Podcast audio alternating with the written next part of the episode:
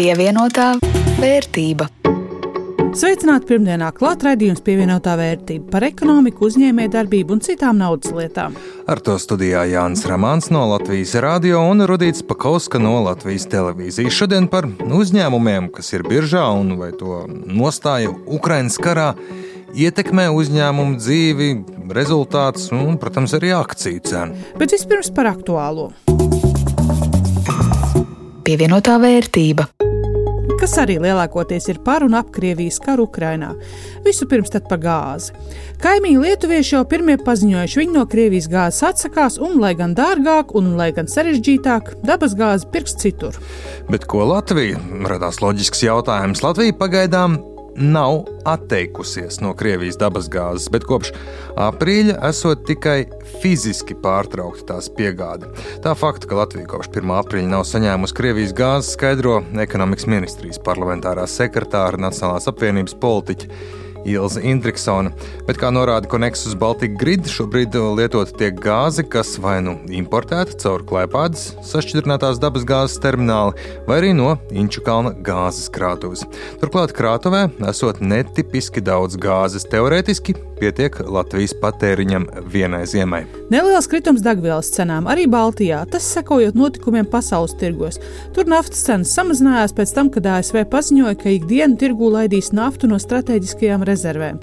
Citējot ASV prezidentu Džo Baidenu, tas ir tāds karalaika pasākums un galvenais mērķis atvēsināt tirgus, kurus satrauc naftas piegāžu no Krievijas samazināšanās. Un par sliktu nenāk arī tas, ka naftas cenai krītot samazinās ienākumi Krievijai un tā arī rūk valsts ieņēmumi, par kuriem finansēt karu Ukrainā. Bet, nu, Krievijai jau tagad ir grūtības pārdot savu naftu, ne jau aiz labas sirds, piemēram, tā Indijai to tirgo par trešdaļu lētāk nekā biržā. Bet no prognožu lauciņa Eiropas Rekonstrukcijas un attīstības banka prognozē, ka kara dēļ Ukraiņas iekšzemes koprodukts šogad saruks par 20%, no nu, tas ir piekto daļu. Krievijai paredz 10% kritumu, bet tālākā nākotnē, ja tuvākajos mēnešos panāk vismaz pamieru, Eiropa prognoze Ukraiņas IKP nākamajam gadam ir 23% plusā, bet Krievijai Krievijai pamatā sankciju dēļ apaļa nulle pieaugums. Karš ietekmē arī Latvijas ekonomiskās izaugsmas prognozes. Ja iepriekš Latvijas banka šogad solīja 4% izaugsmi atgūstoties pēc pandēmijas, tad tagad prognozes kļuvušas pesimistiskākas. Tikai 1,8% plusā, bet nu, viss ir atkarīgs no notikuma tālākas attīstības Ukrainas frontē. Pirms ķeramies pie tā, vai kara nosodīšana ietekmē uzņēmuma akcijas cenas, parunāsim par kādu nu, tādu ikdienišķāku lietu. Jāna, vai es savu gadu ienākumu deklarāciju jau iesniedzi? Uh, vēl nē, iegāju sagatavot pamatu, sapratu, ka esmu burtiski pāris eiro parādā valstī. Un, lai to nodzītu vismaz līdz nulai, tik ilgi ķēpāšanās ar visiem čekiem, banku izrakstiem, būs iesniedzot attaisnotos izdevumus, tad nu atliku to uz kādu vēlāku, brīvāku laiku, kurš ceru, ka pienāks, bet nu, nav ko viņus tur tagad tajā vidā tā pārslogot. Es gan jau iesniedzu ar čekiem, un pensiju trešo līmeni bija nodokļu pārmaksa. Respektīvi, kaut kad trīs mēnešu laikā saņemšu no valsts daļu samaksātā nodokļa atpakaļ. Par deklarāciju sniegšanu šogad sarunājos ar valstījām dienestu vadītāju Ievu Jaunzem, un viņa atklāja, ka šogad deklarācijas iesniegtas straujāk nekā iepriekš, un no gandrīz 700 tūkstošiem deklarāciju parāds valstī ir 133 tūkstošiem. Bet kādas ir biežākās kļūdas un problēmas? Jā, es uzreiz pateiktu, nevēl, ka mēs katru gadu, nu, kad noslēdzās deklarācija iesniegšanas laiks, tad mēs ejam cauri un skatāmies, nu, kādas ir tās kļūdas. Jo, kā es teicu, nu, katrs zvans, katra konsultācija prasa laiku klientam. Un, un tādēļ mēs arī šos atgādinājumus, kur vien varam, visus iespējamos saliekam. Bet eh, kas, eh, kas varētu būt, kur cilvēki nezina vai nepamana, vai arī tas pakalpojums sniedzējs nav bijis godprātīgs, piemēram, par bērnu izglītības programmām. Nu, ne jau visi godprātīgi paziņo, ka viņam izrādās licence jau ir beigusies piemēram. Nu, vecāks iesniedz uh, šos dokumentus un saņem atbildi, atvainojiet, šeit licences vairs nav. Attiecībā uz medicīniskiem pakalpojumiem, ja ir tuvinieks, bērns, un bērnam ir divi vecāki, nav tā, ka var katrs pa 600 eiro vai arī ir māte, vecmāmiņa, vai arī tās personas, ko var iekļaut. Arī nevar tā abi bērni iekļaut uh, visus čekus ar domu, ka nepamanīs pamana. Un uh, tās, nu, es arī pieņemu, ka bieži tās ir kļūdas, jo varbūt nesaskaņotās darbības kaut kā, vai kaut kā savādāk, bet katrā gadījumā ir svarīgi atcerēties, ka ir viens šis uh, līdzekļu kopums, proti 600 eiro ir uz vienu personu, jā, un nebūs viņa divas reizes. Nu, vēl runājot saku, par medicīnu, jau ir mazāk, jā, ja neskaita tiešām kaut kādus uh, mēģinājumus iesniegt uh, čeku vietā kādus attēlus ar domu, ka mākslīgais intelekts nepamanīs. Vēl, protams, ir diskusijas vienmēr par to, vai tā ir medicīniska manipulācija vai nav. Bieži nav, bet ir ka cilvēks ir ievietojis kādu nu, plastiskās ķirurģijas uh, čeku un viņam tiek atteikts. Vēl ļoti liela sadaļa. Es nezinu, šogad vēl tikai pāris bijis, ir zvērnātu izpildītāju izpildraksti. Jo cilvēki iesniedz uh, deklarāciju, domu, ka viņi saņems atpakaļ šīs atmaksas, bet ir jau izpildraksts, mēs esam saņēmuši, mums viņš obligāti ir jāizpild, un mēs viņu arī izpildām. Tad uh, cilvēks ir neapmierināts, kāpēc ir aizskaitīts uz Zvērnātu tiesu izpildītājiem. Tāda ir kārtība, ja cilvēkam ir izpildraksts, jebkura līdzekļa, kas ienāk, viņi tiek aizskaitīti uz šī zvērnātu tiesu izpildītāja kontu. Pilnu sarunu ar Ievu Jaunzēm var noklausīties pievienotās vērtības raidierakstu plūsmā. Viņi pelna no Ukrāņu asinīm. Tā par starptautiskajiem uzņēmumiem, kas turpina darbu Krievijā, bieži saka sociālajos tīklos. Un ir spiediens uzņēmumiem nepalikt neitrāliem, tā teikt. Nu, lai karš dara, ko grib, mums tikai nopelnīt. Nē, arī daudz Latvijas uzņēmumu savu nostāju pauduši, un liela daļa ne tikai ar vārdiem, bet arī ar pavisam reālu palīdzību un rīcību. Biržā kotēta uzņēmuma nostājas paušana attiecībā pret Krievijas sākto karu Ukrainā var izpausties dažādos veidos. Tā var būt gan Krievijas tirgus pamešana, publiski pausts nosodījums vai arī lēmums nesadarboties ar Krievijas uzņēmumiem. Bet Kā un vai nostājas paušana ietekmē biržas emitenta akcijas, to biznesa rādītājus, skaidroja Linda Zalāne. Globālās investīcijas ieguldītāji vērtē ar salīdzinoši vēsu prātu, un emitenta nostājas paušana vai nepaušana par Krievijas sākto karu Ukrainā tik būtiski neietekmē akciju cenu. Tā pauž portāla investoru klubs izpilddirektors, uzkrājumu un ieguldījumu eksperts Kaspars Peisenieks. Akcionāri jeb investori tomēr vērtē visu tā salīdzinoši vēsu prātu Un e, tiešām no tāda e, naudas e, viedokļa, ja redzam, ka kāds uzņēmums nesteidzās, piemēram, pamest Krievijas tirgu, tad tiek organizētas akcijas un nosodījums un vēl kaut kas sociālajos tīklos un mēdījos. Tad, ja paskatās uz daudz šādu uzņēmumu akcijas cenām, tad nevarētu gluži teikt, ka viņi ir īpaši sliktākā situācijā nekā līdzvērtīgi uzņēmumi, kas jau savus lēmumus par aiziešanu ir paziņojuši. Protams, cita situācija varētu būt gadījumos, ja biežāk kotēts uzņēmums pauž atklātu atbalstu Krievijai, tomēr pēc eksperta novērojumiem šādu riskantu soli neviens līdz šim nav spēris. Pagaidām novērota viena klusēšana vai vilcināšanās nostājas paušanā. Viens piemērs nāk prātā Nestle, kuri nebija tie, kuri ļoti steidzās ar paziņojumiem par tirgus pamešanu. Tad, ja mēs paskatāmies uz akcijas cenu, īstenībā akcijas cenas kustība ir ļoti līdzīga ar pārējiem līdzīga segmenta uzņēmumiem. Nu, attiecīgi nevarētu teikt, ka šis lēmums viņiem ir kaut ko īpaši ietekmējis. Tas, vai biežāk kotēti uzņēmumi pauž vai nepauž savu nostāju attiecībā pret Krievijas sākto karu Ukrainā arī savā komunikācijā, lielā mērā iet roku roku rokā ar uzņēmumu īpašnieku lielāko akcionāru vērtības sistēmu. Ja skatās uz Baltijas akciju, šiem rezultātiem, jeb akciju cenu kustībām, tad nevarētu teikt, ka kādam, kurš būtu aktīvāk paudis nostāja, tam būtu pēc tam augstāka akcijas cena, un savukārt kādam, kurš mazāk, tam būtu zemāk. Kopumā Baltijas akciju indeks ir zemākos līmeņos, un arī to var saprast no ārvalstu ieguldītāju, nu, kuri tādi te vispār ir, bet no to skatu punktu to var ļoti labi saprast, ka mēs paskatāmies kartē, kas ir blakus Krievijai, mēs esam blakus Krievijai, nu tad pat ja mēs pieļaujam kaut cik nelielu procentu, ka tur problēmas varētu būt, nu tad vienkārši no šiem aktīviem atbrīvojamies. Un tas arī, protams, rada spiedienu nu, kopumā uz visu Baltijas akciju tirgu, ka viņš krītās. Ieguldījumu eksperts Invilu pensiju fondu valdes priekšā patērētājs Andrēs Martīnos uzsver, ka tas, ko biržas emitents dara šādos apstākļos, noteikti ir svarīgi ne tikai preču un pakalpojumu saņēmējiem,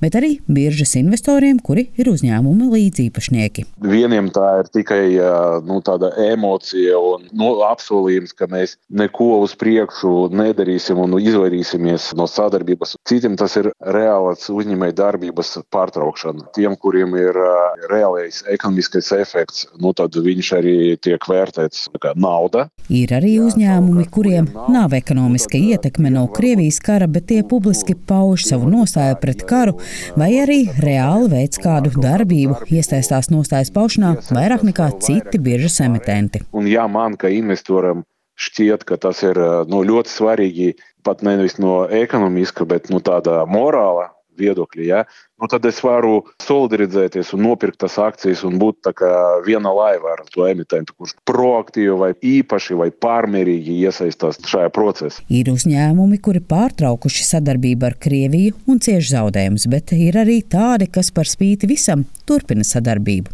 Pret šiem uzņēmumiem publiski tiek izdarīts spiediens. Tiem investoriem, kuriem morāla apsvērumu dēļ tas nav pieņemams, ir iespēja konkrētā uzņēmuma akcijas pārdot. Nu, tas būtu tāds negatīvs negatīvais spiediens uz cenu, bet nu, ir arī tie, kuriem nu, tomēr būsim realisti, nu, nauda bez smakas, vai ne?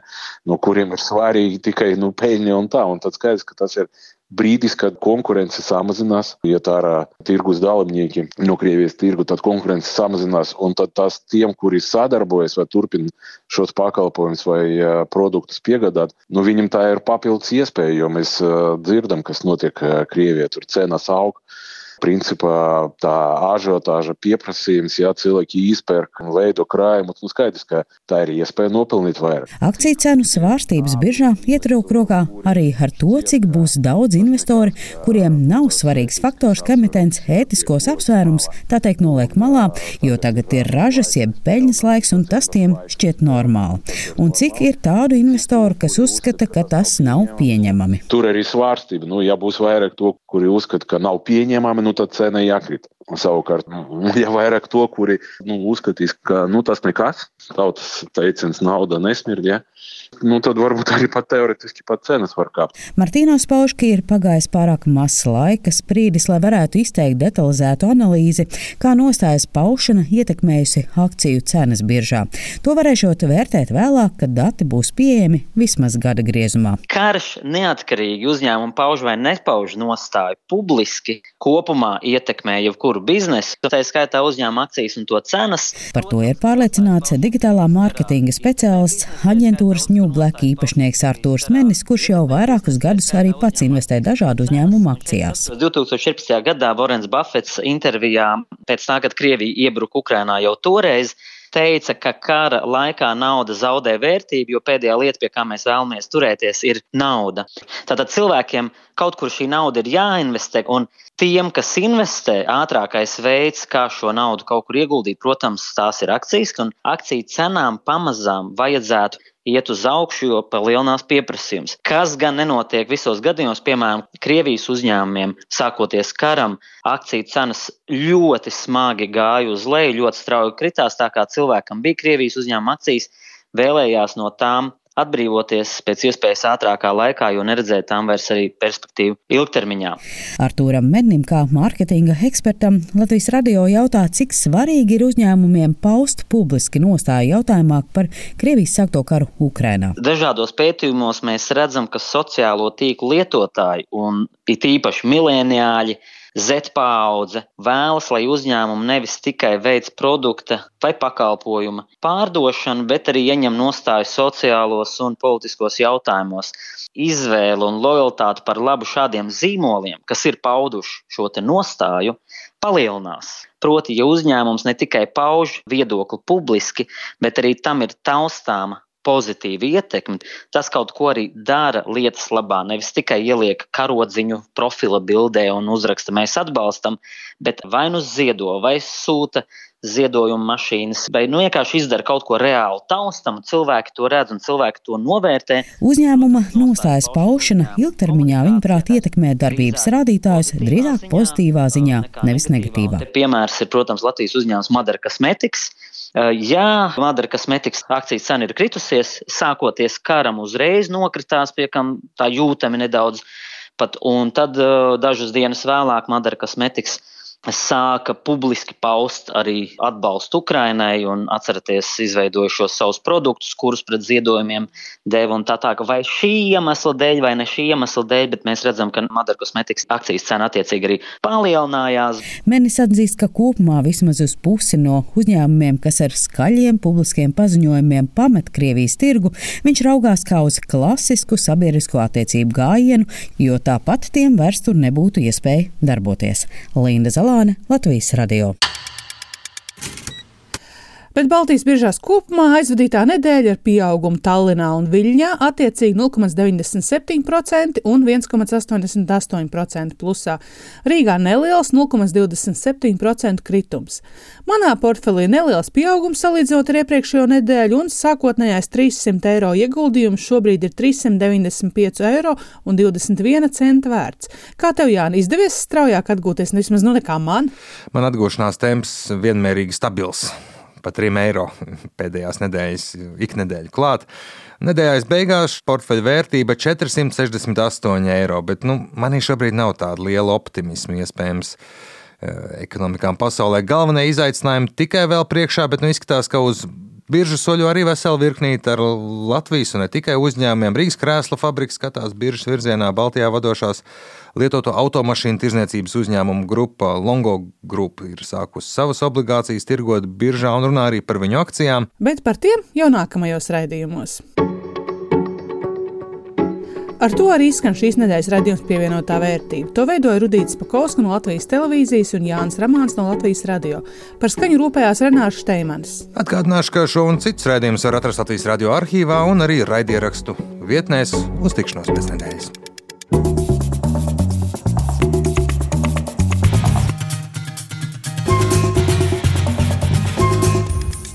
Pievienotā vērtība.